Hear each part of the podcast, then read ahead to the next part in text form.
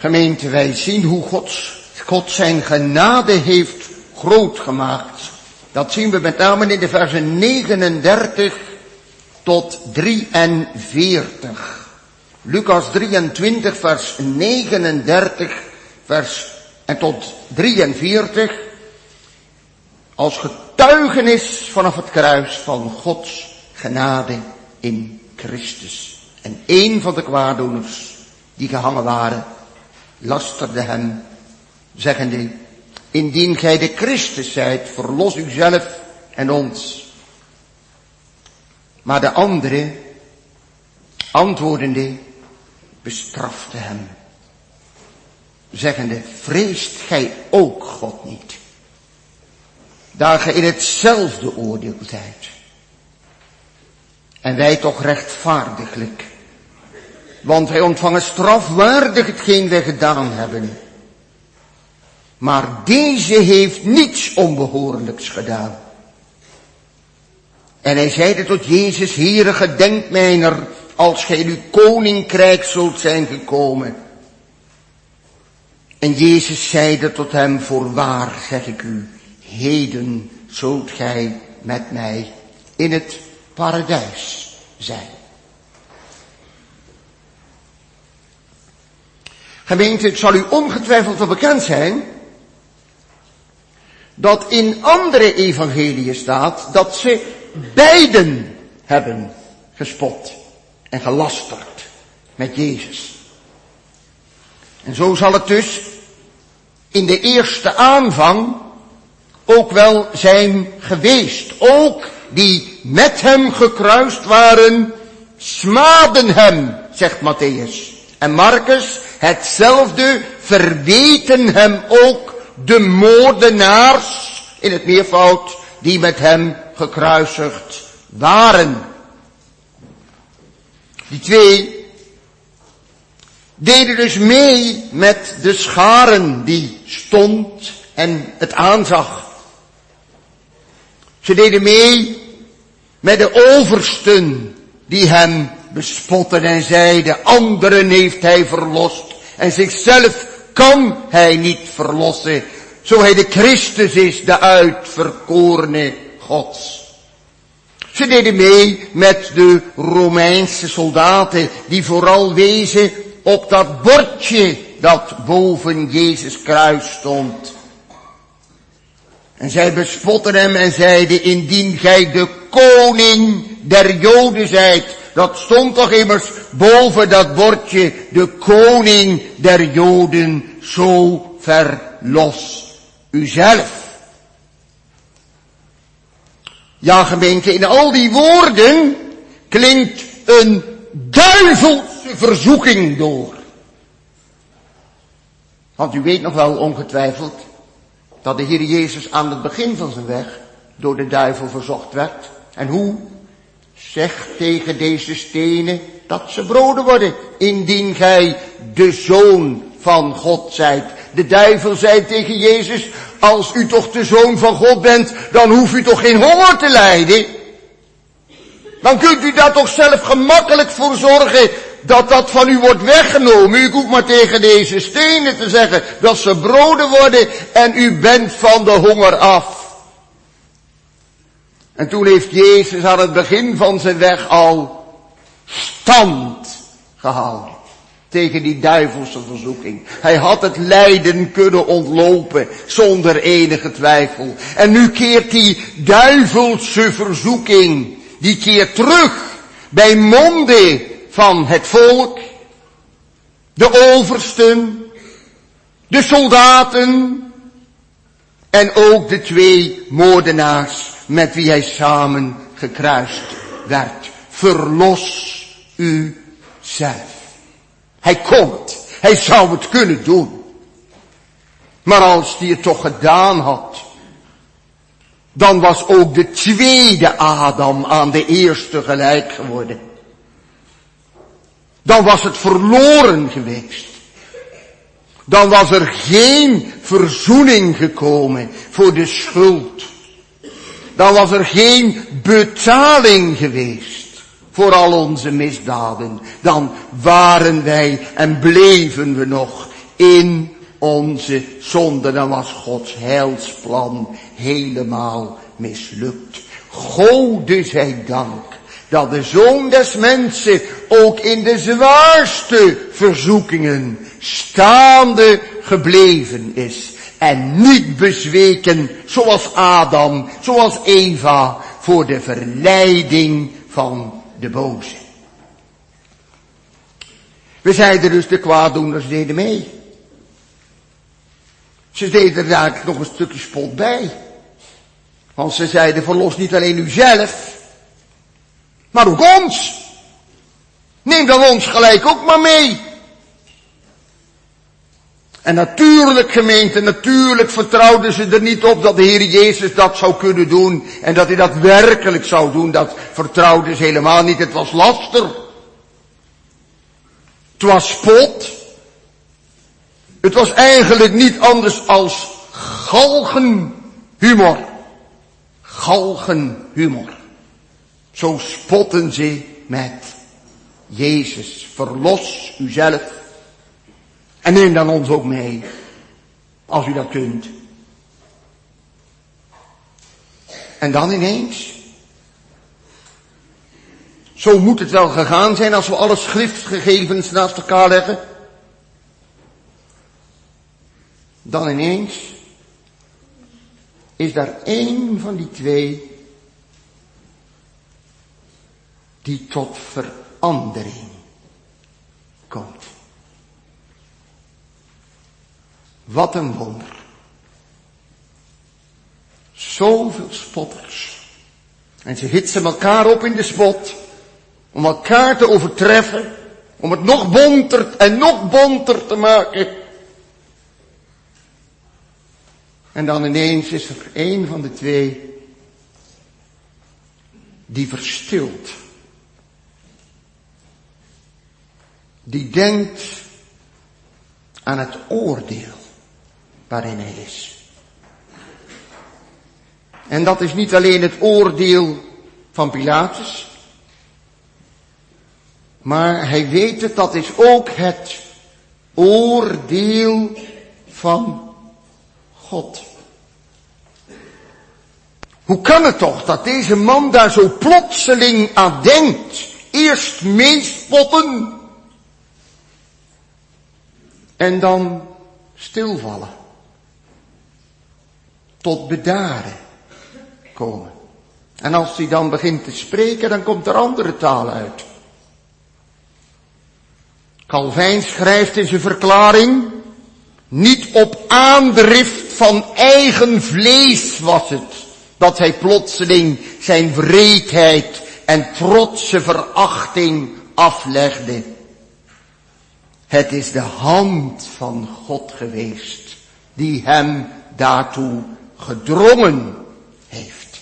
En zo gemeente, zo is het maar net, zoals Calvijn dat zegt, de hand van God die een mens tot inkeer brengt, tot zichzelf doet komen. Zoals de verloren zoon, weet u? Toen hij daar bij de zwijnen zat. En hij kwam tot zichzelf en hij zeide, hoeveel knechten van mijn vader hebben overvloed van brood en ik verga van de honger. Hij kwam tot zichzelf. Hij ging zich bezinnen. Hier hebben we de eerste vrucht van Jezus lijden en sterven. Had Jezaja het niet geprofiteerd als zijn ziel zich tot een schuldoffer gesteld zal hebben, en dat zal heel binnenkort gaan gebeuren, dan zal hij zaad zien. Vrucht zien. En straks komt daar de hoofdman over honderd die bij het kruis staat, die komt daar ook bij. Waarlijk, deze mens was rechtvaardig, dan komen de eerste vruchten openbaar. Gelukkig maar. Dat ook deze moordenaar, deze kwaaddoener, daarbij mocht zijn. Dat is Gods genade. Want de Heere God had al die spotters weg kunnen doen. Allemaal in de verharding kunnen brengen. Voor zover dat ze al niet verhard waren. Nog verder in de verharding kunnen brengen. Ook deze man.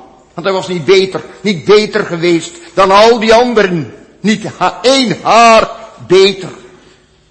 Hij had ze allemaal kunnen verdoemen vanwege het feit dat ze zo tot zijn geliefde zoon gesproken hebben. Maar gemeente, hij doet het niet.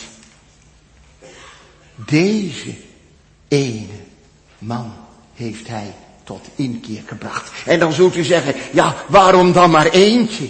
Waarom dan maar eentje? Ja, zullen wij ons met het welbehagen van God bemoeien? Zullen wij hem voorschrijven hoeveel dat hij er tot inkeer brengen moet?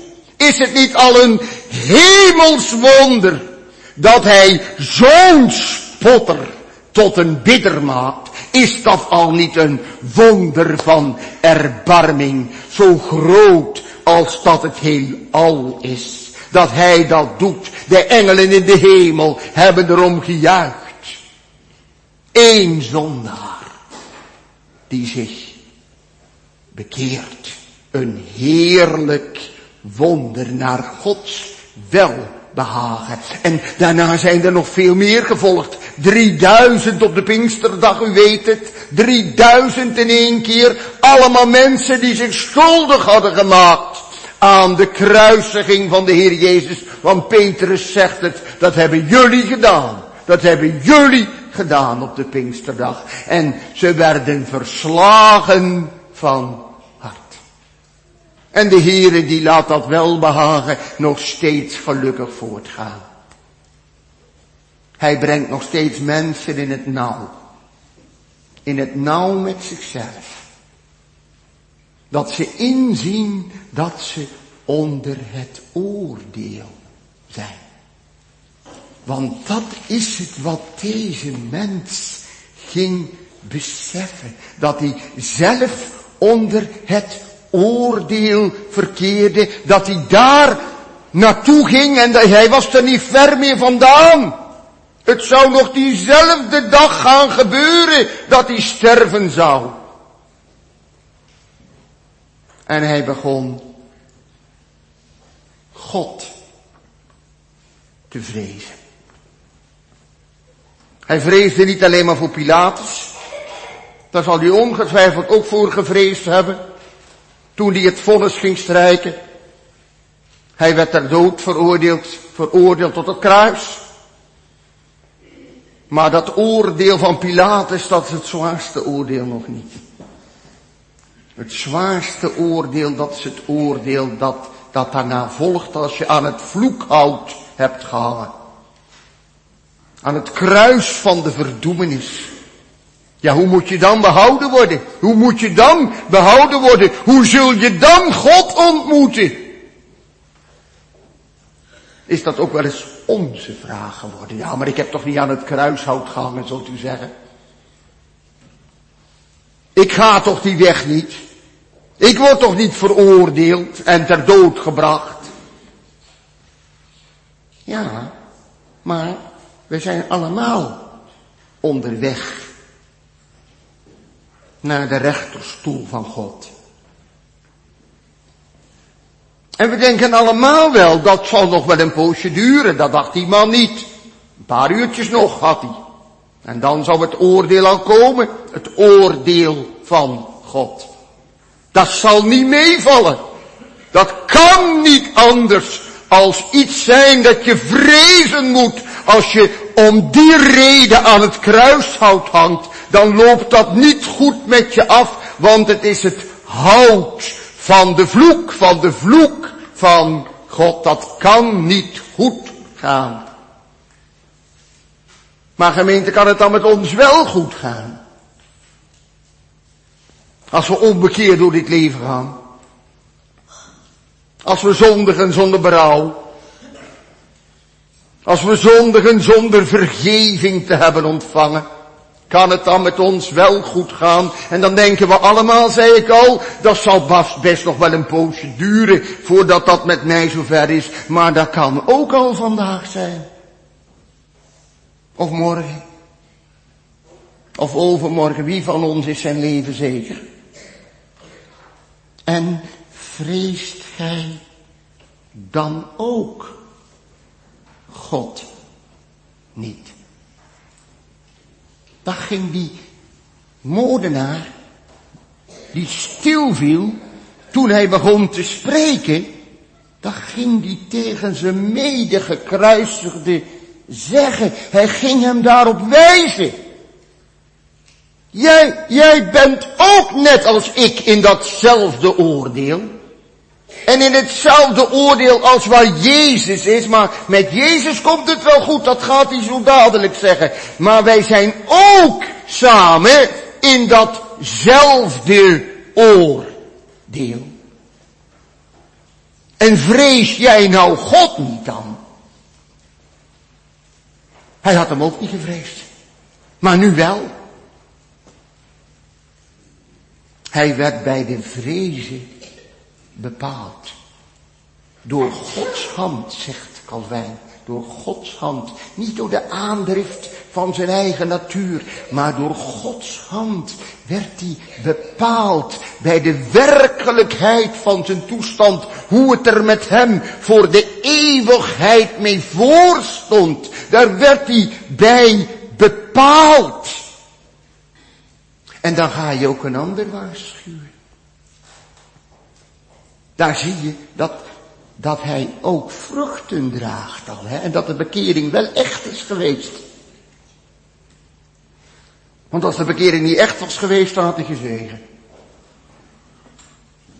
Maar nou het echt is, spreekt hij de ander erop aan. Weet je wel in wat voor een gevaar dat je bent? Ja, doodsgevaar. Kan aan het kruis? Ja. Maar het oordeel. Vreest hij God dan niet? We moeten niet alleen voor de Romeinen vrezen en voor Pilatus vrezen. Ja, dat is wel gebleken dat die hard kunnen oordelen. Maar nu komt dan dat oordeel van God nog. En vrees je daar dan niet voor? Wat, wat hang je toch nog steeds te spotten, man? Ja, ik heb het zelf ook gedaan. Maar nu is mijn mond daarover gesnoerd. Ik moet je nou waarschuwen. Houd daar toch mee op.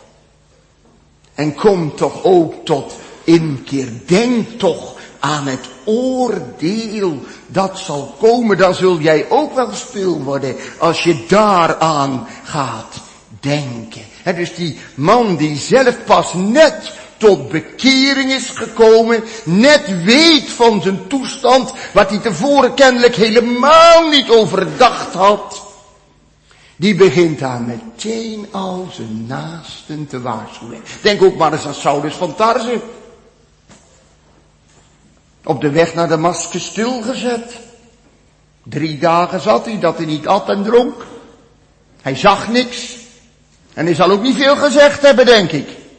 Ook met stomheid geslagen. Maar toen Ananias bij hem geweest was en hem de genade had gepredikt, toen predikte hij terstond in de synagoge der Joden in Damascus dat Jezus is de Christus. Hij ging ze gelijk overtuigen. Hij trachtte ze ervan te overtuigen dat Jezus de Zoon van God is. En dat is nou een kenmerk van de echte bekering. Hè? Dat je dan ook je naaste gaat waarschuwen. Je denkt niet van, die moet het maar uitzoeken. Laat die maar naar de hel gaan. Nee, je gunt hem dan ook die inkeer, dat inzicht, die vreze God. Vreest gij ook God niet, daar je toch met mij in hetzelfde oordeel bent. Wij weten toch waar wij naartoe gaan. We gaan naar de rechterstoel van God toe. En kan dat wel goed met ons aflopen dan? Kan dat met jou wel goed aflopen? Vrezen in plaats van spotten. Gemeente, u voelt wel, als die pasbekeerde man, als die dat al weet, dan zijn wij zeker niet te verontschuldigen als wij allemaal zwijgen. Dat is niet goed, hè. Als er iemand in uw naaste omgeving is, in uw kennissenkring of in uw familie of waar dan ook, die met God en godsdienst spot, of duidelijk te kennen geeft dat het hem niet veel interesseert. Duidelijk te kennen geeft dat hij die dingen niet zoekt en niet begeert. Die geestelijke dingen, die eeuwige dingen. Hij zit misschien wel in de kerk, maar hij komt er ook eigenlijk net zo goed niet zitten, want hij, hij, doet hem helemaal niks. Het is wel goed dat hij in de kerk komt natuurlijk, want hij kan daar getroffen worden door een pijl van God, van Gods woord, dat kan zeker. En dus hij moet vooral blijven komen. Maar u moet hem waarschuwen. U moet zeggen, ik ga naar het oordeel toe, maar jij gaat ook naar het oordeel toe. Vrees jij ook God dan niet? En wanneer dat komen zal, dat weten wij niet. Het is nu voor ons vijf voor twaalf. Ja, voor jou en voor mij. Twee, vijf voor twaalf. En dat weten ze allebei wel. Het oordeel zal spoedig komen. En het is laat, het is laat, maar het is nog niet te laat. We moeten het maar niet te laat laten worden, gemeente. Je kunt wel uitstellen en denken van nou vlak voor mijn dood dan ga ik altijd nog wel binnen. Maar het is maar de vraag of je daar de gelegenheid nog voor zult hebben. Dat is maar zeer de vraag. Er zijn maar weinig mensen, heel weinig, die zoals deze moordenaar op het einde, het allerlaatste van hun leven, nog tot die inkeer komen. Dat zijn er maar zeer weinigen. Daar moet je het maar niet op aan laten komen, lieve mensen. Ook de jonge mensen niet. Je moet niet denken, ik zal zeker wel 80 of 90 jaar worden. En dus heb ik nog tijd genoeg. Je kunt ook jong moeten sterven. Vreest gij ook God niet?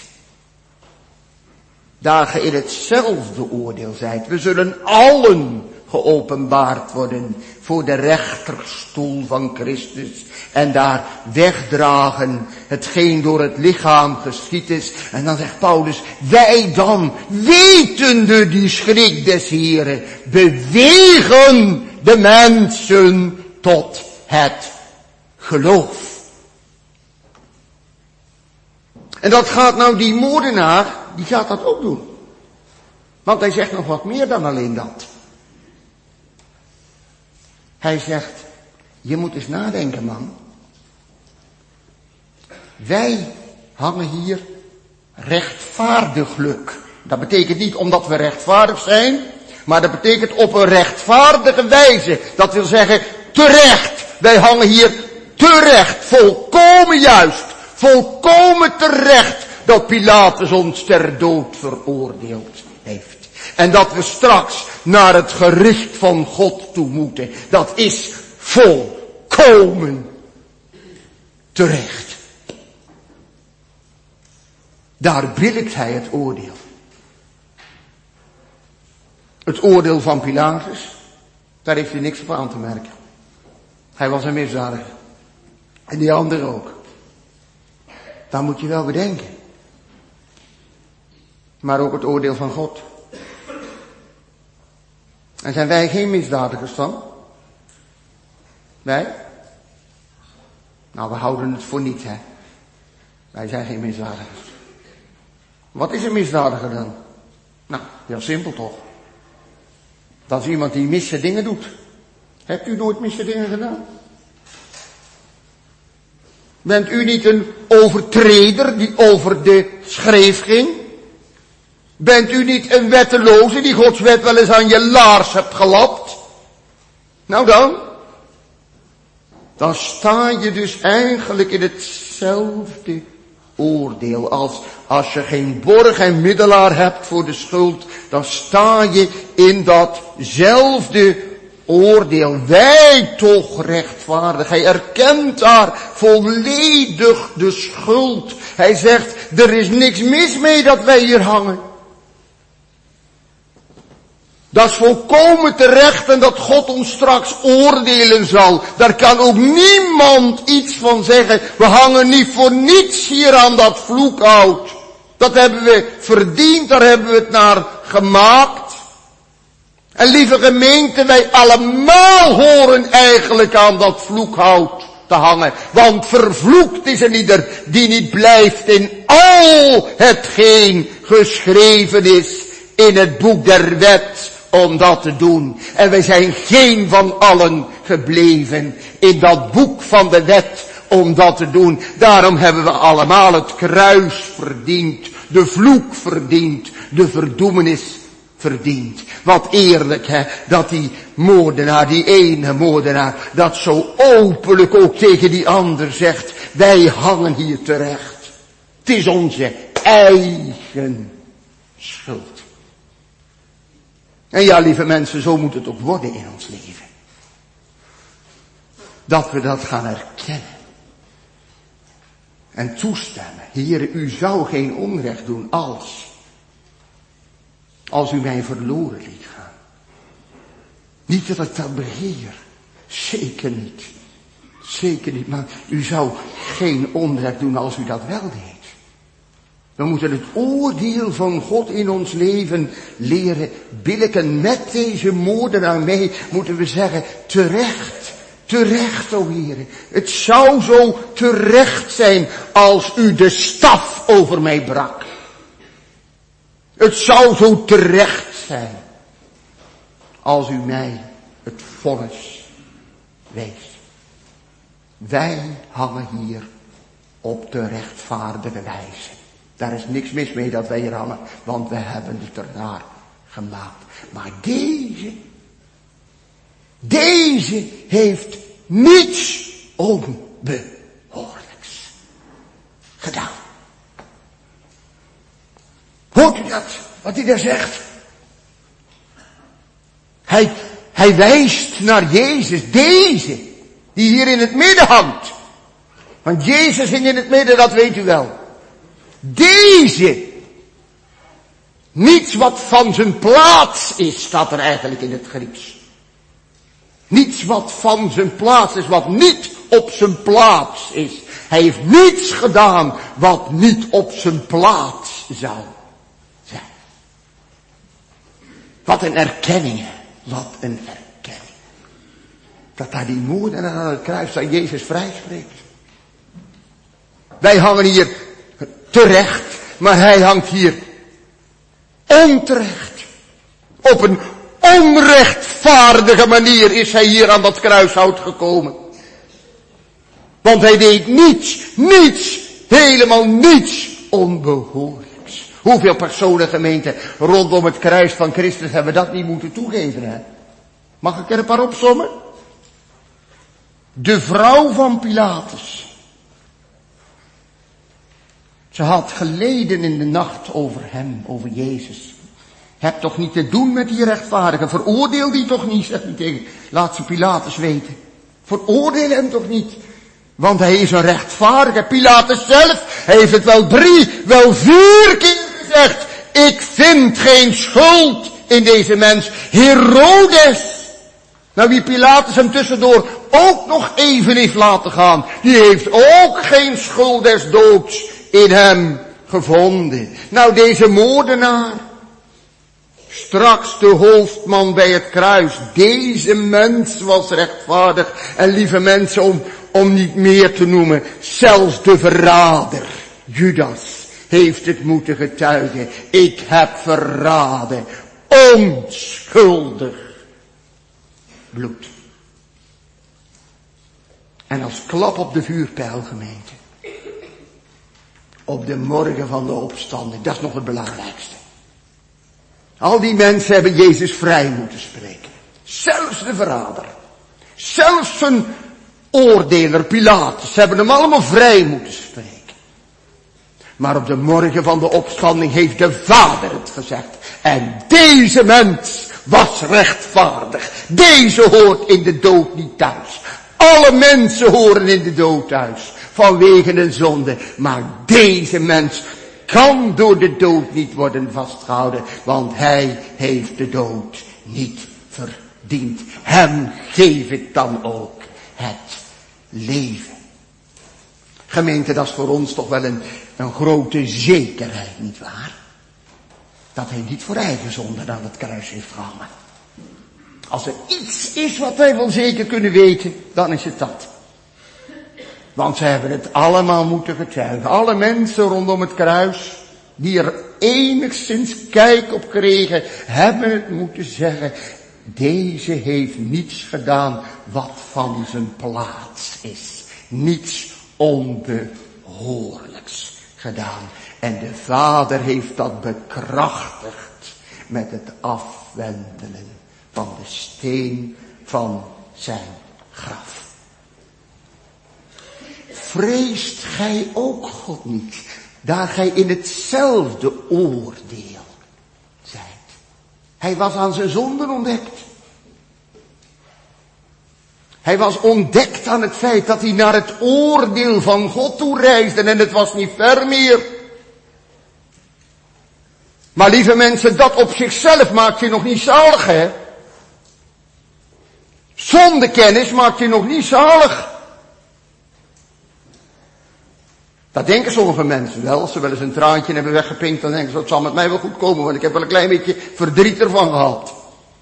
Ja, maar heb je ook vergeving gevraagd dan? Ben je er ook naar het godslam mee gevlucht? Want dat maakt zalig. Als je ziek bent, dan maakt jouw pijn en jouw ongemak en je voelen dat je zwak bent, dat maakt je niet gezond. Dat maakt je niet gezond hoor, echt niet. Je moet er naar de dokter. En als die medicijnen voorschrijft, dan moet je medicijnen gebruiken. Dat maakt je beter als God het zegent. Maar je ziek zijn op zichzelf maakt jou niet beter. En de pijn die je voelt en het verdriet dat je erover hebt, dat maakt het allemaal niet beter. Het klagen erover maakt het ook niet beter. Je moet naar de dokter toe. En zo is het nou ook met deze man daar aan dat vloekhout. Hij kijkt naar Jezus. Deze heeft niks onbehoorlijks gedaan. En hij houdt de blik op Jezus gericht. Hè? Hij had naar hem gewezen met zijn vinger. Deze niks onbehoorlijks.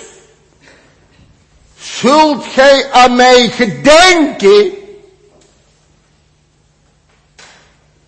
Als gij in uw koninkrijk zult zijn gekomen. Denk toch aan mij in genade. Daar moet het heen, lieve mensen. Daar moet het heen op Goede Vrijdag. Daar moet het heen al de dagen in ons leven, ons leven. Daar moet het heen ook nog op het sterfbed. Denk aan mij toch in genade om uw goedheid eer te geven. Dat zit in dat gedenken. Dat is niet eh, alleen maar van, wilt u nog een keertje aan me denken dat ik, dat ik er ook nog ben? Nee, dat is gedenken in barmhartigheid en in goede tierenheid. In de psalmen vind je dat te veel. Gedenk aan mij toch naar de menigte, naar de veelheid van uw goedertierenheid, o Heere. En denk aan mijn zonde niet. Hè. Nou, zo klinkt dat ook hier uit de mond van deze moordenaar. Denk toch aan mij, als gij in uw koninkrijk zult zijn gekomen. Kijk, hij spreekt nu niet meer over wij. Hij spreekt nu ook niet met die moordenaar mee, maar persoonlijk. Hè? Dan wordt het persoonlijk. Als je om genade gaat bidden, dat kun je, dat kun je niet voor een ander doen. Hè? Dat moet ieder voor zichzelf doen. Ik kan niet voor een ander tot Jezus gaan en zeggen, ja, ja, ik kom voor, voor die en die, hè, om, om de zonde te beleiden. Je moet zelf komen. Je moet zelf komen. Dat is een persoonlijke zaak. Je kunt geen genade voor een ander gaan verwerven. Je kunt wel voor een ander bidden, dat kan altijd. Maar je kunt niet zelf dat in zijn, helemaal in zijn plaats doen. Dat kan niet. Hij moet ook zelf naar Jezus toe. Dus ja, dat hij dan maar zou mogen volgen, zou je denken. Hè? Die andere, die aan de andere kant hangt. Maar hij, hij wendt zich tot Jezus. Gedenk aan mij als gij in uw koninkrijk zal zijn gekomen. En waar heeft hij dat nou vandaan dan, dat Jezus een koning is? En een koninkrijk heeft? Waar heeft hij dat nou vandaan? Waar haalt hij dat vandaan? Dat bordje. Jezus, de koning der Joden. In het Hebreeuws, in het Grieks en in het Latijn, in drie talen staat het erop. Jezus, de koning der Joden. Het was bij de Romeinen gewoon om boven het kruis de beschuldiging te stellen. Dat was normaal. Dat deden ze altijd. Boven die andere twee kruisen zal ook wel iets gestaan hebben. Van wat ze op hun kerststok hadden. Jezus, de koning der Joden. Klopt er niet, vonden de Joden. Hè? Dat staat in het Johannes-evangelie. Dat klopt. Hij had eigenlijk moeten schrijven, ik ben Jezus, de koning der Joden. Dat hij dat beweerde dat hij dat was. Dat was eigenlijk zijn echte beschuldiging, vonden de Joden. Maar Pilatus liet het toch staan. Jezus, de koning der Joden. En hij is het. Hij is het. Pilatus bedoelde het als een schimp. Zoals ook de soldaten ermee spotten. Indien gij de koning der Joden zijt, verlos uzelf. En kom af van dat kruis. Die spotten er ook mee dat dat boven hem stond. En ja, dat wilde Pilatus eigenlijk ook. Hij spot voor het Joodse volk. Dat was eigenlijk zijn bedoeling. Zo'n koning hebben jullie nou.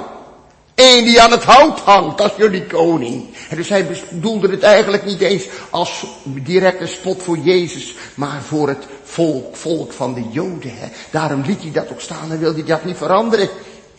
Er bleef staan Jezus, de koning der Joden. En het is waar, hij is het. Deze moordenaar heeft het gezien. Deze man gaat naar zijn koninkrijk toe. Hij is inderdaad de koning der Joden.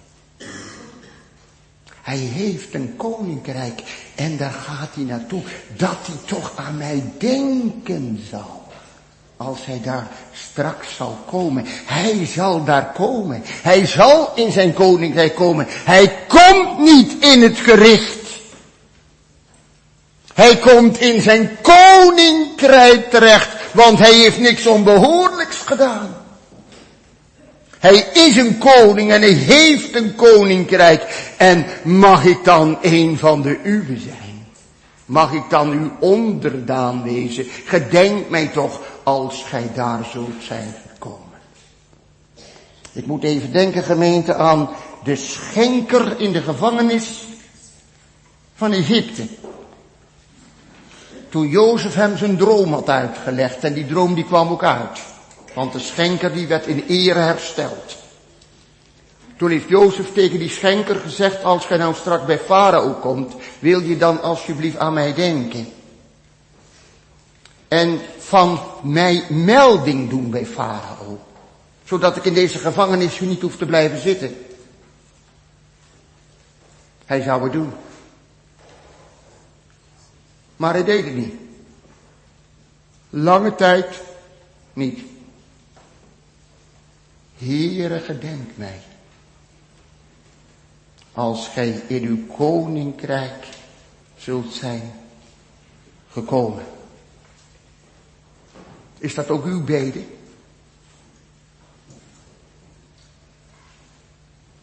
Om gena. Ja, straks op je sterfbed. Als je een sterfbed hebt. Maar ook nu al. Want wij weten niet, wij weten niet wanneer. Wij reizen naar het oordeel toe.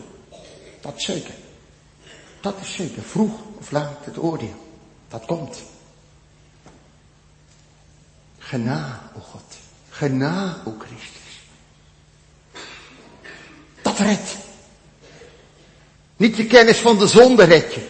Niet al de tranen die je plant, die redden je niet. Maar één druppel van zijn middelaarsbloed doet zoveel meer dan zeeën vol van tranen.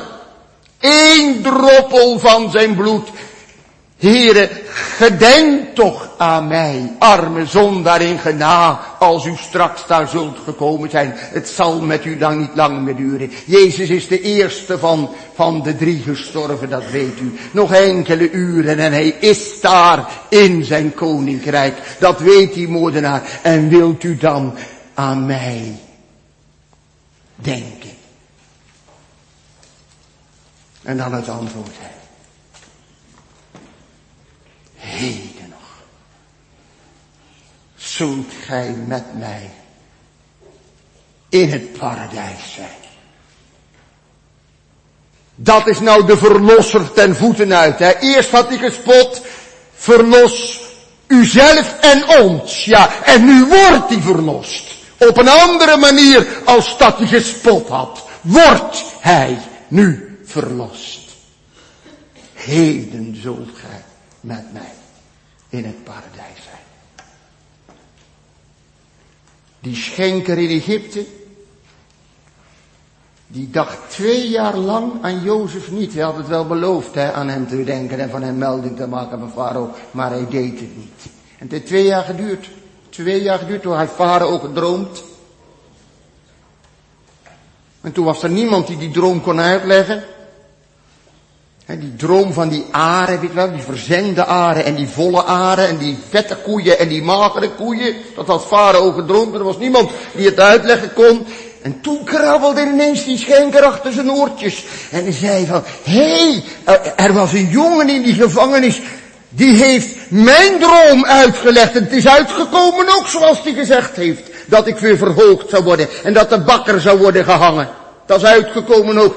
Laat die jongen maar komen. Hè. Ineens dacht hij weer. Maar het heeft wel twee jaar geduurd. Hij was niet echt dankbaar voor, jo voor Jozef dat hij hem de droom had verklaard en dat hij uitgekomen was. Twee jaar lang. Jezus zegt, geen twee jaar laat ik je wachten man. Vandaag nog. Heden, heden zult gij met mij in Hij laat geen zondaar wachten die op hem een hartelijk beroep doet. Heere, gedenk aan mij. Straks in uw koninkrijk. Want u gaat naar uw koninkrijk toe. Ja, zegt de Heer Jezus, dat koninkrijk, dat is het paradijs. Dat is het paradijs. Dat is, dat is nu alleen nog maar in de hemel, het paradijs. Dat was ooit op de aarde, maar dat is niet meer op de aarde. Straks zal het terugkomen. Straks. Maar nu is het alleen maar in de hemel. En jij zult daar met mij in dat paradijs zijn. O gemeente, wat een prachtige woorden zijn dat. Dat met mij. Jezus zegt niet alleen maar, heden zult ge in het paradijs zijn. Nee, gij zult daar met mij zijn. Want dat maakt de hemel tot een paradijs, hè, dat Jezus daar is. Als Jezus daar niet was, dan zou het zo mooi niet wezen. Dan zou de hemel leeg zijn. Dan zou zelfs de hemel niet een paradijs zijn. Maar Jezus gaat daar naartoe. Jezus hoort daar thuis. Jezus is daar ook van eeuwigheid geweest voordat hij ons vlees en bloed aannam. Toen zat hij al in de schoot van zijn vader. Dat is echt zijn plekje. Dat is echt zijn koninkrijk. Daar hoort hij thuis en dat maakt de hemel tot een hemel. Dat maakt de hemel tot een paradijs. Lieve mensen, ik zou liever met Jezus in de hel zijn. Dan zonder Jezus in het paradijs. Hoort u dat goed? Ik zou liever met Jezus in de hel zijn dan zonder Jezus in de hemel, in het paradijs. Want dat is het toch wat het paradijs tot een paradijs maakt. Bij Jezus te zijn. Dat is ver uit, ver uit het beste, zegt de apostel Paulus. Ontbonden te worden en met Jezus te zijn.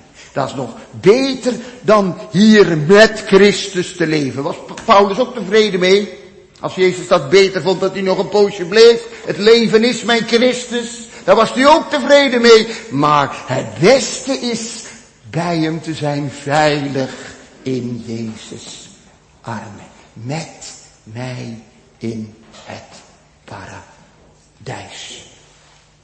Want de Heer Jezus heeft het toch immers gebeden. Hè? kort hiervoor. In het hoge priesterlijke gebed. Vader, ik wil dat waar ik ben, ook die bij mij zijn, die jij mij gegeven hebt. Dat heeft hij gebeden aan het einde van het hoge priesterlijke gebed, vlak voordat hij naar Gethsemane ging. Dus diezelfde avond ervoor al, diezelfde dag nog, hè, want de avond ervoor die hoort bij diezelfde dag, volgens de Joodse tijdsrekening. Toen heeft de Heer Jezus dat gebeden en dat gaat hier nou in vervulling. Straks gaat Jezus sterven, Vader in uw handen beveel ik mijn geest, dat gaat naar het paradijs. En kort daarna hebben ze die beenderen gebroken van die twee. Om hun dood te bespoedigen. En zo is die ene moordenaar, die is ook, die is ook Jezus achterna gegaan. Vader, ik wil dat waar ik ben, ook die bij mij zijn. Die jij mij gegeven hebt. De Heere had die moordenaar zelf aan zijn zoon geschonken. En hij mocht ook wezen waar Jezus is. In dat paradijs. Zal dat ook uw toekomst zijn? Hebt u zich ook al omgekeerd naar hem? Heer, denk toch aan mij. Want ik ga naar het oordeel toe. Maar u kunt me redden. U gaat niet naar het oordeel toe. U gaat naar het paradijs toe. Maar u kunt me redden. En ook in dat paradijs brengen. Dat kunt u. Dat kunt u. U kunt mij bijstaan in dat oordeel. Want u hebt niks onbehoorlijks gedaan. U niet. U moet ik rechtvaardigen. U bent zonder zonde en schuld. Ik niet, maar u wel. En u kunt mij helpen. U kunt mij redden. Heden, zegt Jezus, zult gij met mij in het paradijs zijn. En als u daar dan misschien toch nog aan twijfelt, dan wijs ik u erop dat er nog een paar woorden voor staan. Voorwaar zeg ik u, zegt de Heer Jezus. Dat is het hele kruiswoord, hè? Dat is het hele kruiswoord. Voorwaar zeg ik u, heden zult gij met mij in het paradijs zijn. We noemen gewoonlijk alleen dat laatste. Maar dat eerste, dat voorwaar zeg ik u, dat hoort er ook bij. Amen zeg ik u. Daar staat het woordje amen in het Grieks. Amen zeg ik u, dat zal waar en zeker dat je met mij in het paradijs zult zijn. Twee mensen hingen met Jezus aan het kruis. De een zal aangenomen en de ander zal verworpen worden, zegt de schrift. Ja, dat is waar, dat zie je hier gebeuren. Maar dat gaat niet naar willekeur, lieve mensen. Dat gaat niet naar willekeur. Die ene moordenaar die niet tot bekering kwam, tenminste dat moeten we vrezen. Die ene moordenaar die niet tot bekering kwam, die is door eigen schuld verloren gegaan. Want hij is nog gewaarschuwd ook. Hij is niet ongewaarschuwd naar het oordeel van God toegegaan. Hij is gewaarschuwd geweest. En dan ga je door eigen schuld verloren. Is dat waar of niet waar? Ja toch? Dan ga je door eigen schuld verloren. En die ander, die is niet door eigen verdienste in de hemel gekomen. Nee, dat weten we ook al, dat is die echt niet. Dat is die echt niet. Vraag het hem maar. Ik hang hier terecht, zegt hij. Ik hang hier volkomen terecht. Niet door eigen verdiensten in de hemel gekomen. Maar door die wonderlijke, heerlijke, genadige verkiezing van God. Wat een wonder toch. Dat er überhaupt één mens zalig wordt in deze wereld. Dat is al een eeuwig wonder. Als zal er maar één mens zalig worden. Het zijn er veel en veel meer. Het zijn er veel en veel meer scharen die niemand tellen kan. En het is bij ieder persoonlijk weer de grote wonder dat u toch naar mij hebt omgezien, Heer. En dat u toch mij stil hebt. Ik die van mijzelf zo'n dwalende zondaar was. Dat u toch naar mij hebt omgekeken en mijn hart hebt veranderd. Dat hebt u gedaan. Door u, door u alleen. Om het eeuwig wel behagen. En gemeente, zo is hij nog steeds. Maar de tijd kan kort zijn. Vreest gij ook God niet? Dagen in hetzelfde oordeel zijt? Ja, wanneer? Wanneer, dat weten we niet. En daarom vandaag, meester, Heer, denk toch aan mij. Als u in uw koninkrijk zult zijn gekomen. Als u dan heden sterven moet, dan zult u ook heden met hem in het paradijs zijn. En als het morgen wordt, dan zal het morgen zijn. En als het over tien jaar wordt, dan zal het over tien jaar zijn. Als het misschien nog zestig jaar zal duren, dan zal het over zestig jaar zijn. Met mij in het paradijs. En wat is er beter dan daar met hem te wezen. Amen.